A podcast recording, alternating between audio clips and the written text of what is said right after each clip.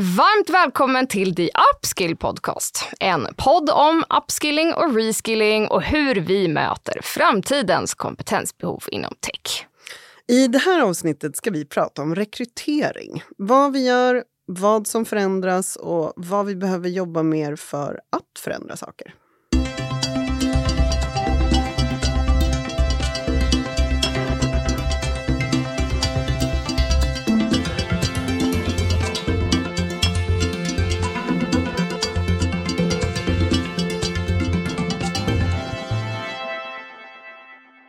Välkommen tillbaka till The Upskill Podcast. Vi som gör den här podden heter Louise och Emma och vi kommer från The Upskill Company som jobbar med olika kompetenslösningar inom IT och tech. Idag ska vi prata om det som är mest centralt i både det vi gör, men som också är centralt i ja, nästan vilket företag som helst, nämligen att hitta rätt folk.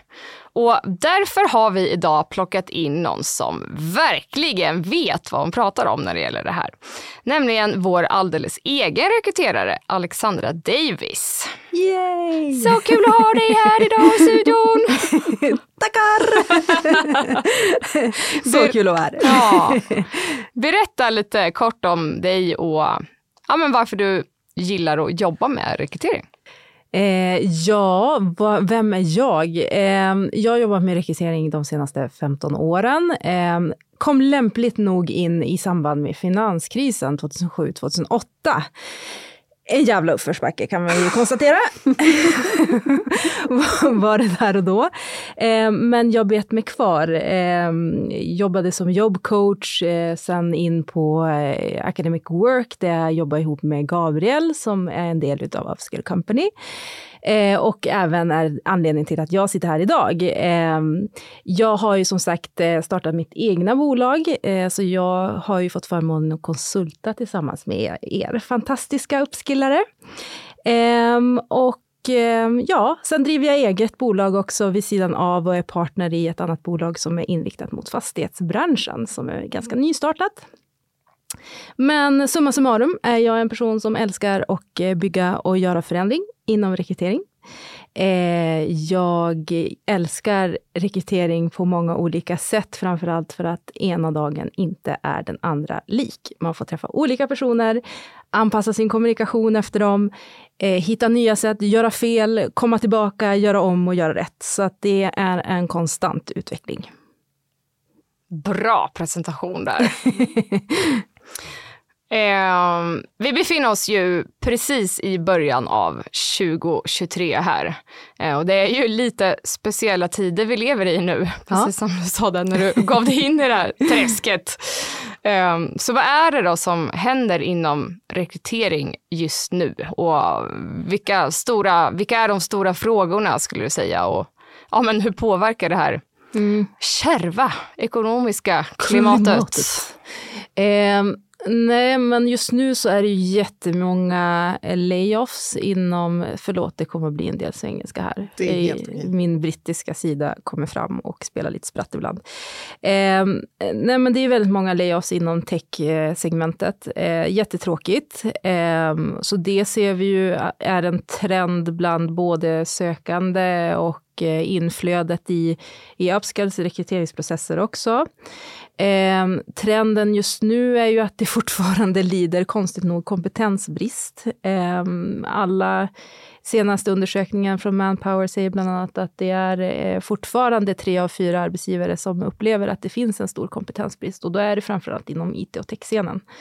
Eh, så det är en fortsatt trend och det ser jag även eh, inom de bolag som jag jobbar inom. De är fortfarande har en stark fot och förankring inom det här med tech. Och det är ju för att vi ser att tech är ju någonting som sprider sig inte bara inom eh, de traditionella yrkena inom IT, utan om man tittar på fastighet som jag också är involverad i, så är det ju väldigt mycket som är förankrat med tech där också. Det är många som vill digitalisera och utveckla och då kommer det in på det spåret. Så att där finns det också en kompetensbrist. Så att det är eh, spännande tider, eh, minst sagt.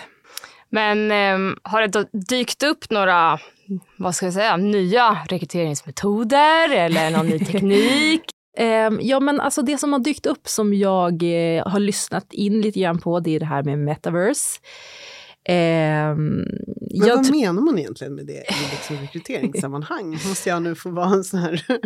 ja, eh, det är en bra fråga. Det vet man inte riktigt Nej. än. Eh, och det är ju fortfarande, som jag tänkte säga, det är ju fortfarande väldigt mycket i sin linda, det här med metaverse. Liksom. På vilket sätt kommer det att påverka eh, employer brand, rekrytering, utbildning. För man ser ju, de förutspår ju att det här ska bli nästa stora miljardkoncept, eh, många av de här olika managementkonsulterna och you name it. Ehm, jag vet inte eh, vad, vad, jag ska tycka om det här riktigt än. Ehm, eh, jag ser väldigt många positiva sidor av det. Jag tror att det här med eh, eh, eh, employer branding till exempel kommer att sprida sig ner i åldrarna på grund av att, ja, men, låt oss, let's face it, eh, metaverse är ju någonting, det är inget nytt koncept. Det är bara det att det har blivit väldigt mainstream.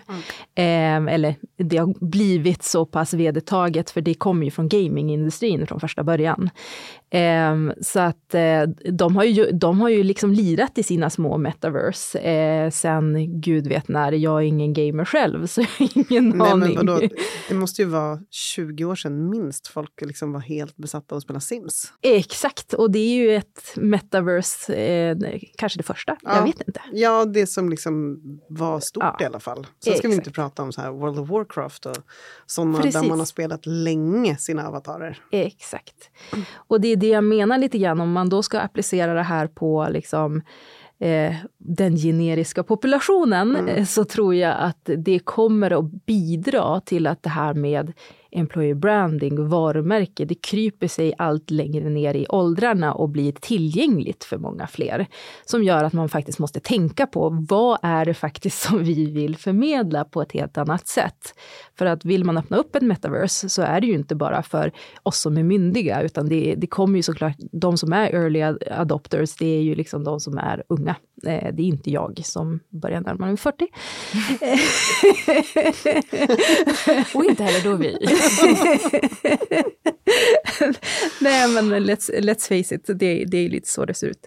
Mm. Eh, så det är väl den hetaste buzzword. Sen så tror jag att det här med ehm, eh, diversity och inclusion också kommer att komma upp lite mer på agendan. Eh, och det tror jag framförallt kommer ifrån att ja, men, man pratar om kompetensbrist och så har man ändå en arbetskraftsinvandring till exempel i Sverige. Eh, och tittar man på siffror, nu har jag gjort lite bakläxa här. Eh, Bra där! Men tittar man på siffrorna så är det liksom de här högutbildade eller akademikerna som faktiskt sitter ute och typ kör taxi. Det är 10 procent utav arbetslöshetsmängden. Liksom. Eh, så ska man vara helt krass så gör vi ju inte det vi ska med den arbetskraft som vi faktiskt har.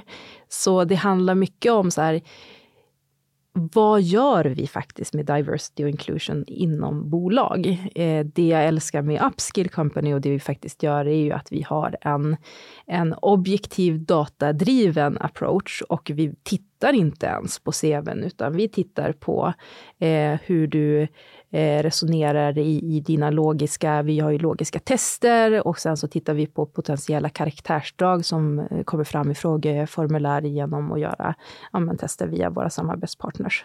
Mm. Eh, och det tycker jag är ett eh, riktigt spännande koncept för det öppnar ju upp för möjligheten för de som kanske står lite längre ifrån arbetsmarknaden men fortfarande är väldigt högutbildade till att ta ett kliv in och omskola sig och bli någonting annat. Så man kommer ifrån en, en kompetensbrist på sikt och även får möjlighet att jobba med diversity och inclusion. Eh, så jag tror att det, det kommer också vara ett stort, ett stort buzzword. Mm. mm. På ett helt annat sätt. Ja, där måste man väl ändå säga att liksom med den typen av, av hjälpmedel och verktyg som idag blir lättillgängliga, allt i olika AT-system eller test system och så vidare. Där man faktiskt gör det precis lika enkelt att ändå ha en, en, en mer objektiv mm. process mm. än vad man kanske har gjort när du har haft en person som har fått ett pappers-CV liksom på posten. Det är klart att det, att det ger andra möjligheter men det gäller ju också att folk vågar ta det steget och göra det fullt ut och inte bara ha det som en eh, som något eh, liksom, viktigt. Sånt där. Vi jobbar med diversity och inclusion. Och sen så gör man egentligen ingen större skillnad liksom, från hur man har gjort förut. Nej, men det, det, är väl framförallt därifrån jag kommer någonstans att många bolag säger att de jobbar med diversity och inclusion och då är det för att de har vissa eh, nyckeltal eller kopior som de mm. följer upp kring och försöker säkerställa att ja, men det är lika många kvinnor som män eller sen så ska man ju inte liksom tracka etniskt eh, ursprung eller andra parametrar. Eh, men det jag någonstans vill komma till det är ju att det blir än mer viktigt liksom practice what you preach. Jag tror att fler eh, arbetstagare också får upp ögonen för vilka bolag är det faktiskt som står för det de säger och jobbar med de här frågorna och inser vilket enormt värde det är när man har en, en större grad av eh, av mångfald inom bolaget generellt. Mm. Men är det inte mycket det här då som kanske metaverse kommer att kunna hjälpa till med? Just Absolut. den här fördomsfria rekryteringen. Att kanske första steget, man kanske har gjort de här testerna mm. och sen så kommer man på en intervju mm. i form av sin lilla avatar och ja. kan se ut precis hur man vill. Mm. Liksom. Mm. Det, jag, hoppas, jag hoppas verkligen det. Det är ju fortfarande väldigt tidigt skede. Ehm, men eh, det är väl det jag hoppas att det ska kunna mynna ut i alla fall. Helt klart. Mm. Men det här du var inne på eh, i början här att eh, vi ju tittar på eh, potential snarare mm. än meriter. Mm. Tror du att det är någonting som fler och fler kommer att se fördelarna med nu i år? Upplever du att det finns någon typ av skifte i hur man ser på kompetens och kanske hur man värderar en kandidat mot ett visst jobb. Eh, jag hoppas det, eh, att man vågar ta det steget framåt. Eh, för jag tror att det är än mer viktigt för att kunna liksom gå med lite grann ryggen fri också och säga att man jobbar med diversity och inclusion på det sättet man vill, skulle vilja göra. Nej, jag vet inte. Jag, jag hoppas verkligen det. Det är som sagt önsketänkande från min sida. Sen så är det ju såklart, ja men är man läkare till exempel, då kan man ju inte tumma lite grann på, ja men har du rätt inställning? Mm. Ja men då kan du nog lägga ett snitt här och ta bort eh, blindtarmen, det blir bra. Mm. Nej men eh, skämt åsido, jag tror att det är många som är lite rädda. Det handlar om att det är ju ett Eh, lite grann därför som jag eh, vill jobba på det här sättet och vara lite grann nytänkande i hur man approcherar och jobbar med rekrytering rent generellt. Det är för att jag ser att rekryteringsbranschen har varit lite fat and happy. Um, man har jobbat enligt en viss mall i alla dessa år. Det har inte förändrats sedan jag började egentligen. Att man skickar in ett CV, du blir utvärderad och så har du en, en eh, lång lista av egenskaper som du vill ska uppfyllas. Har du tur så kanske du hittar någon som matchar 5 av 20 egenskaper. Eh, och så ska du övertala din arbetsgivare eller det, liksom den uppdragsgivaren du har om att det här är rätt person. Ehm, och då blir det ju väldigt mycket en subjektiv tolkning från min sida och även från arbetsgivarens sida. Ehm, så jag hoppas att det här ska liksom ske eh, i ett, ett skifte, uh, helt klart. Det är hög tid för det finns AI ehm, och kan man inkorporera det så att man blir så objektiv som möjligt och datadriven som möjligt i sina beslut, jag säger inte att man kommer att kliva bort hundraprocentigt ifrån den mänskliga interaktionen, för det tror jag inte på i anställningsförfaranden som helhet. Man måste få en känsla för dem man jobbar med, eh, för vi är trots allt människor. Mm. Ehm, men eh, jag tror ändå att man kan underlätta för sig själv enormt och våga vara en liten disruptor i det avseendet, att man faktiskt sticker ut hakan lite grann, tar lite risker eller risker, ska jag säga. Det, jag tycker inte att det är risk. Nej, jag menar, det finns ju alltid en risk kopplat till rekryteringar. Jag menar, vi har väl alla varit med på olika, på olika sätt i rekryteringsförfaranden där det inte blir rätt. Så jag menar, det är inte en... Um, så är det ju bara. För vi, precis som du sa, det är ju människor man har att göra med. Mm. Det händer mycket där. Mm. Men jag tänkte lite på, apropå tänka och göra annorlunda, precis som du öppnade med att någonstans så är vi ju ett ställe där, ja, det sägs upp en massa folk inom mm. techbranschen just nu i alla fall. Liksom om man ser på det globalt, verkligen.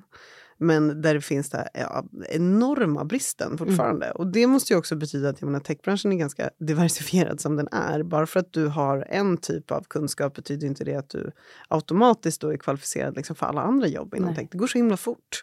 Och jag menar, det tycker jag talar för att vi behöver titta på fler saker därför att man kommer aldrig kunna fylla de behoven som dyker upp med folk som liksom har exakt rätt bakgrund. Mm. Och då måste vi titta på någonting annat.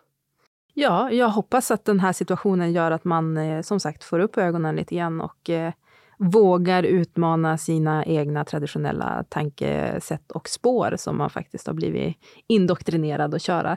Det, det var ju lika svårt för mig från en början när det, när det liksom kom de här eh, ja, men Tim Taylor när det kom till exempel och man kunde ha, helt plötsligt ha ett ATS-verktyg som var enkelt att implementera och och eh, eh, tillgängliggjorde för att arbetsgivare skulle kunna sköta stora delar av rekryteringsprocessen själv eh, och hitta sig själv som rekryterare i det. Liksom, vad, vad skulle det få för eh, risker eh, och, och liksom också möjligheter? Det visste man inte riktigt. Eh, nu visar det sig att man fortfarande har behov av att, att ta in extern hjälp. Eh, men jag tror att man, om man ska vara med i matchen som rekryterare, så måste man ständigt och arbetsgivare våga utmana sig själv och tänka utanför sin comfort zone så att man faktiskt kan möta marknaden och göra skillnad eh, på ett helt annat sätt. Eh, för jag tror att det kommer hänga så nära ihop med ens employer brand. Eh, oavsett om du är rekryterare så har du ju också ett employer brand och ett varumärke som du måste ta hand om. Eller du som arbetsgivare, liksom att du håller dig fast vid de här traditionella normerna, det tror jag inte du kommer tjäna på i det långa loppet. För förr eller senare så kommer det att hinna ikapp dig. Så frågan är, vill du ha ett försprång? Eller vill du vara en av de som kommer på efterkälken och bara, oj, nu måste vi styra om allting. Hur ska vi hinna göra det? Um, the choice is yours. Bam! Bam!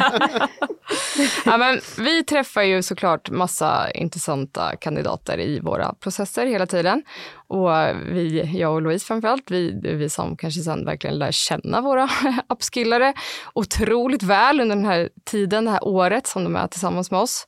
Eh, och för vår del så är det ju liksom supertydligt med värdet och resultatet av att, och vad tänka nytt är. Mm.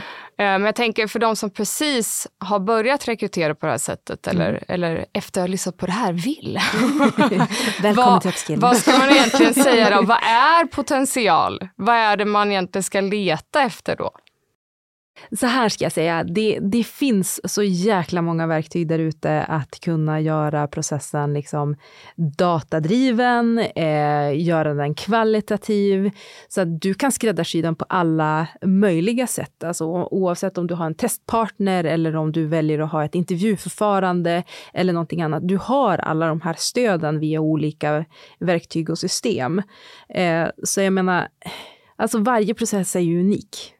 Ehm, så jag tror att det handlar om att skräddarsy, precis som vi får göra, vi har gjort tillsammans. Liksom.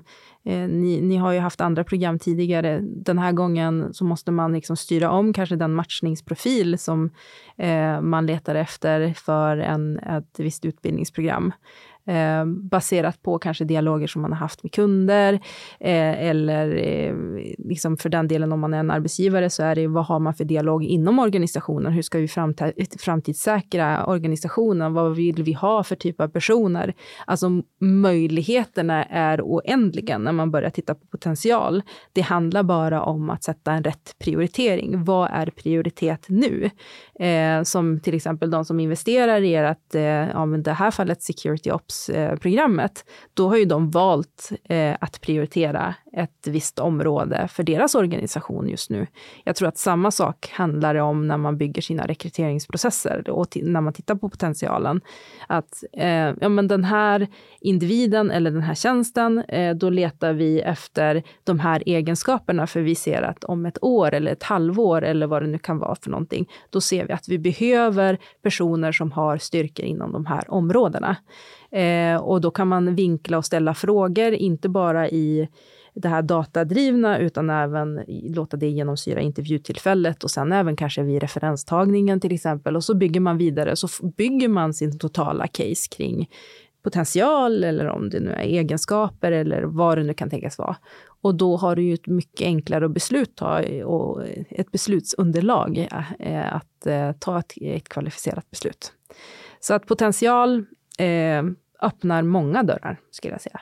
Men om man tänker sig att det ändå skiljer sig från ett uh, mer traditionellt, som du var inne mm. på, sätt att rekrytera. Mm. Där man kanske hade en, en tydligare spes på det här är våra krav och det här är mm. sånt som vi premierar, det här är vår wishlist och liksom så. Mm.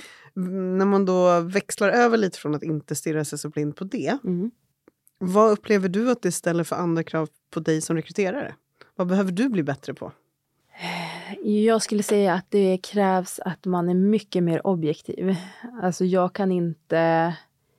Eh, och vara mer öppen som person. Alltså att jag kan liksom inte döma och nu använder jag faktiskt ordet mm, döma, mm, för det är någonstans det man gör när man har den här eh, väldigt inflexibla kravprofilen som man tittar på. Det är liksom, okej, okay, eh, uppfyller den här, för oftast har andra man kallar det för en kravprofil för att det är krav. Mm, mm. Eh, du måste ticka de här boxarna. Ja, mm. för det är det vi behöver.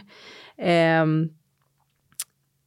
så att för min sida så har det ju varit lite grann av att jobba utanför min egen comfort zone också. Att ja, men okej, eh, nu måste jag ta två steg tillbaka här, för nu handlar det inte om den här listan som jag ska bocka av, utan nu handlar det om att jag ska ha en nyfikenhet och börja gräva i den här personens egenskaper, be om situationer som de har ställts inför eller olika, måla upp olika scenarier för att höra hur personen i fråga resonerar för att bäst avgöra, är de lämpliga för det här programmet eller den här tjänsten?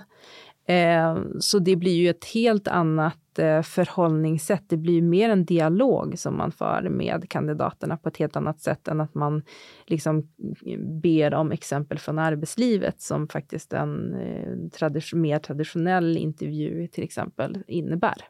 Och gentemot den som då är nu gör jag inom situationstecken beställare av det här. Ja. Om vi tänker då inte liksom vår typ av program, men om, om vi säger att du skulle göra det här för en annan typ av mm. arbetsgivare mm. där det är mer direkt för en viss typ av roll. Mm. Vad upplever du att du, liksom, för att man presenterar ju en kandidat, liksom, mm. ah, men här, jag har tre stycken på min shortlist för den här rollen. Hur upplever du att du behöver liksom lägga fram det på ett annorlunda sätt då? När det inte heller kommer till att du kan visa en avbockad checklista av att så här, här har vi alla must-haves. Ja, alltså det blir ju mer, man har ju mer en säljande roll helt klart. Mm. Att man får coacha liksom kunderna lite grann till att få dem att förstå att ja, men eh, ni har det här behovet, eh, för jag har läst mellan raderna och baserat på vad ni har sagt, så då får man ju bygga sitt case gentemot dem också varje gång man presenterar en ny kandidat. Mm. Eh, och när man då, det blir lite så här psykologi, för då blir det liksom att man tar det de har sagt och så säger man så här, ja, men kommer du ihåg när vi hade det här kravbevismötet, då sa ni det här. Så därför, när det kommer till den här kandidaten så har jag fokuserat på de här eh, egenskaperna och den här potentialen hos personen. De uppfyller även eh, två av sakerna som vi kanske letar efter. Eh, och ni har de här fördelarna om ni skulle välja den här personen. Eh, väljer ni en annan person med den här profilen, då har ni de här riskerna, fördelarna, nackdelarna. Eh, så att det blir ett helt annat coachande liksom, införsäljningssamtal nästan. Eh, för att få dem att förstå hur jag har resonerat när jag har gjort mitt urval. För någonstans är det så här, ni ska ju lita på att jag har kompetensen att utvärdera den här personen. Så kan inte jag föra min talan, varför ska de då välja att samarbeta med mig? Så det ställer helt andra krav på en. Tolkar jag det rätt som att det också kräver att du som rekryterare har ytterligare en lite djupare förståelse av vad det faktiskt är för person man söker? Ja. Det måste vara kul. Det är jättekul och samtidigt jättesvårt. Vem fan har sagt att det ska vara lätt? Nej men alltså det, det, jag tycker att eh, om jag får vara helt krass så tycker jag att eh, den här utvecklingen som har skett. Jag gillar ju när eh, det händer saker utanför ens comfort zone. Där man liksom inte blir eh, nu kommer jag slänga det här mm, begreppet mm, igen, mm, men fett and happy. Mm. Alltså att man liksom bara så här, ja men så här har det alltid varit, lutar sig tillbaka och känner att eh, ja, det, det är som det alltid har varit eh, och jag kan göra det i sömnen. Det är inte riktigt för mig. Eh, jag tror att det kommer bli mer och mer uppenbart eh, framåt att de som kanske jobbar så, jag vet inte vilka det är som gör det, men jag tror säkert att det förekommer. Det, det kommer att vara en ganska naturlig utsållningseffekt för att fler och fler kunder har ju tillgång till de här verktygen som många rekryterare använder sig utav. Så var någonstans är det som du som rekryterare kan göra skillnad? Det tror jag är den stora liksom, utmaningen för väldigt många framöver. Mm. Finns det något sånt där nytt nu som du skulle vilja testa? Nu utmanar jag oss själva lite här, för mm. det handlar ju om vår rekryteringsprocess. Det här. Um, alltså jag, jag är lite för och emot det här, men det här med att använda AI, alltså en, en, en robot mm. eh, i, i, ett första skede. Mm. Eh, jag vet inte vad jag tycker om det riktigt än. Jag tycker liksom att eh, det är ju ett sätt att vara objektiv så långt som möjligt in i, i processen eh, på ett sätt. Samtidigt så är det lite läskigt. Mm. Alltså det är liksom som att jag släpper kontrollen också som har varit liksom rekryterare i så många år till en, en dator dator. Vad är det exakt AN gör då? Håller den i intervjuer till ja, och med? Eller? exakt. Eh, så, eh, jag kommer ihåg när jag, det här är kanske, ja men det är nog fem, sex år sedan.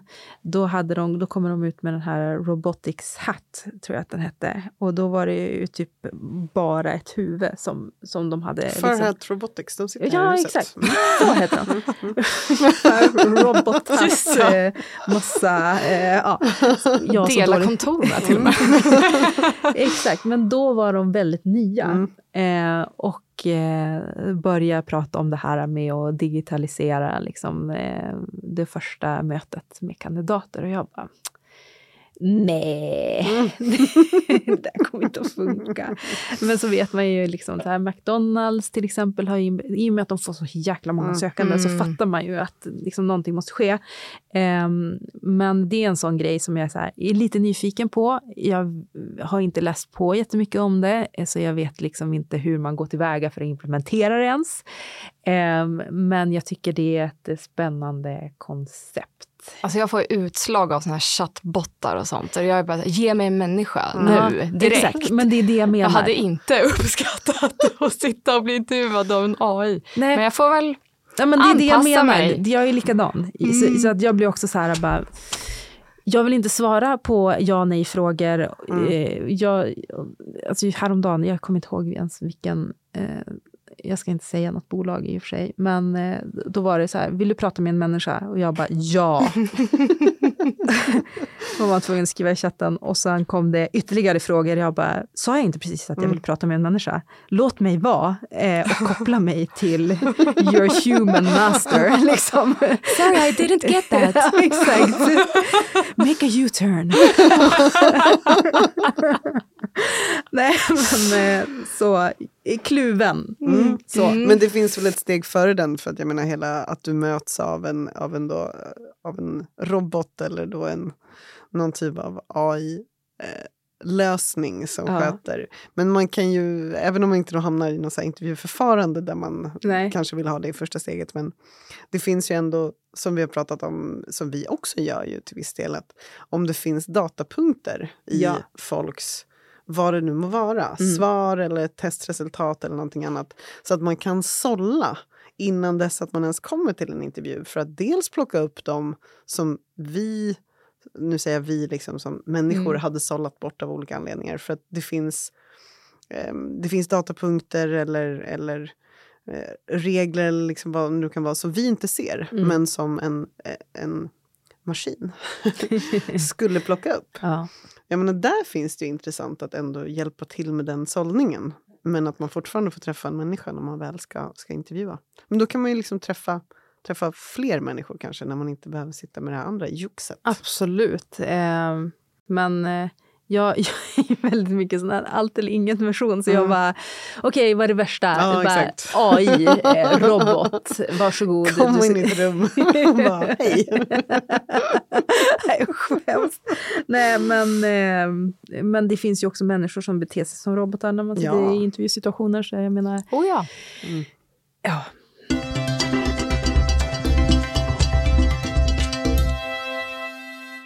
Vad tror du att det ställer för andra typer av krav på rekryter? när man just pratar om att inte... För vi pratar lite nu om Mm. att det ställer andra krav på dig där du kanske både måste ha en helt annan förståelse för vad jobbet innebär och vad det är ett bolag liksom både vill ha just nu men kanske också vad de ser att de på sikt behöver ha på plats. Men det betyder ju också att den som möter dig då i det här Mm. på, på, på rekrytsidan, det kommer ju troligtvis ställas andra krav på den. Vad ser du där? Ja, alltså jag tror ju att de flesta kandidater är lite bekväma. Alltså att de förväntar sig att du kliver in i ett rekryteringsförfarande och sen så ska rekryteraren liksom fronta dig med frågor. Um, och jag tror inte alla gånger att kandidaterna kanske har tänkt igenom vad är det jag faktiskt vill förmedla kring mig själv, kring det här konceptet med att ja, men det här förfarandet är ju faktiskt CV-löst. Okej, har de då reflekterat över vad är det då de letar efter? Alltså jag tror bara att de så här, åh, det här, spännande möjlighet, jag måste skicka in, snabbt ska det gå. Och så fick jag en massa frågor här, oj, vi svarar lite snabbt. Istället för att liksom så här, ja men okej, vad är det jag vill förmedla som kanske gör att jag blir eh, liksom utvärderad och medtagen i den här processen? Eh, det märker man ju nu också, liksom, jag, även fast många svarar väldigt bra i eh, liksom upskills rekryteringsprocess så är det en del där kanske inte frågorna eller svaren är så jättegenomtänkta alla gånger. Så här, ja, men eh, varför har du sökt in? Och så får man liksom bara eh, två ord. Eh, och då känner man så här, ja, men okej, då, då blir det väldigt svårt för mig att utvärdera den personen, för då kommer jag förmodligen att välja någon som faktiskt har ett genomtänkt svar istället. Eh, inget illa menat, men det är liksom så här, du måste put in the effort, eh, så kommer du att få belöningen tillbaka. Så att det är liksom, eh, jag tror att kandidaterna måste tänka om lite. Jag tror inte de är van vid det här med att jobba CV-löst. Det är, väldigt, det är inte jättemånga bolag som gör det än så länge. Nej, jag tycker inte det går mycket av det som vi har pratat om Mm. eh, gällande liksom vad, både vad vi kräver och också såklart vad vi behöver ställa för frågor i den här processen som då ska ju vara datadriven till så, så långt vi kan. Mm. Eh, då gäller det också att vi tänker till att så här, vad är det vi ska fråga efter Exakt. som vi vill ha svar på som ska ligga till grund för om det här är en intressant person eller inte. Men jag kan känna igen det där från vi pratar liksom med våra konsulter som ju då har också gått igenom den här processen på olika sätt. Om mycket med självledarskap. Och jag tycker det liksom hamnar lite i det här också. För jag har ju sådana one-on-ones med liksom vissa av dem som är anställda hos oss. Och det är lite samma sak där. Jag försöker också vända på det till att jag är van vid att den som är min chef eller Mm. sådär ställer mig frågor som jag då ska svara på i olika sammanhang. Och det blir ganska intressant att vända på det och säga här, nu har du en ostörd 40 minuter eller vad det nu handlar om. Vad, berätta vad du vill ta upp. Mm. Berätta vad som liksom är dina hinder eller berätta vad som är liksom, vad du ser framför dig och berätta vad du behöver. Mm. Och det blir ju lite samma i det här. Istället för att du hamnar i ett, i ett intervjuförfarande där någon ställer dig väldigt tydliga frågor Mm. för att den har en tydlig agenda på vad vi har reda på. Så Mm. handlar det om att så här, berätta om dig. Mm. Och det ställer ju helt andra krav. Ehm, ja, men vi skulle kunna sitta och prata vidare om det här forever. Men om vi ska skicka med några tips då kanske till de som ja, men ännu kanske inte har spikat sin rekryteringsstrategi för 2023 än. Ja, Skulle du eh, vilja skicka med dem då? Jag skulle vilja skicka med eh, våga, våga mer. Eh, kliv utanför er comfort zone, utvärdera era befintliga processer. Kika på, liksom, uppfyller de det vi faktiskt vill uppnå med våra rekryteringar? Liksom, eller jobbar vi efter en, den här traditionella liksom, nyckeltal, och, men det är själva eh, syftet genomsyrar det faktiskt vad vi, vi gör i praktiken eller inte. Eh, och sen så skulle jag säga, alltså testa nya grejer. Det är ingen som dör, det är en rekryteringsprocess. Ibland så kan jag bli, så här, jag blir nästan lite frustrerad och, och liksom river mitt eget hår över att det känns som att det saker och ting sitter så långt inne. Det är liksom inte på liv och död det här med rekrytering. Absolut, jag säger inte att man ska felrekrytera, eh, men jag menar bara på att eh, testa, utmana, våga utforska det okända och eh, framförallt utmana dig själv som rekryterare. Eh, för arbetsgivare ska jag säga, välj en rekryteringspartner eh, som du känner representerar det som ni vill uppnå som bolag i era rekryteringsprocesser. Eh, inte bara stirra blint på eh, resultat, utan någon som walk the walk och inte bara talk, talky talky. Perfekt avslutning ska jag säga. Walkie-talkie. You're welcome. Nej. Underbart. Med det så tror jag att vi tackar för oss idag faktiskt. Det får räcka för idag. Stort tack Alex för att du kom hit till oss. Tack själv.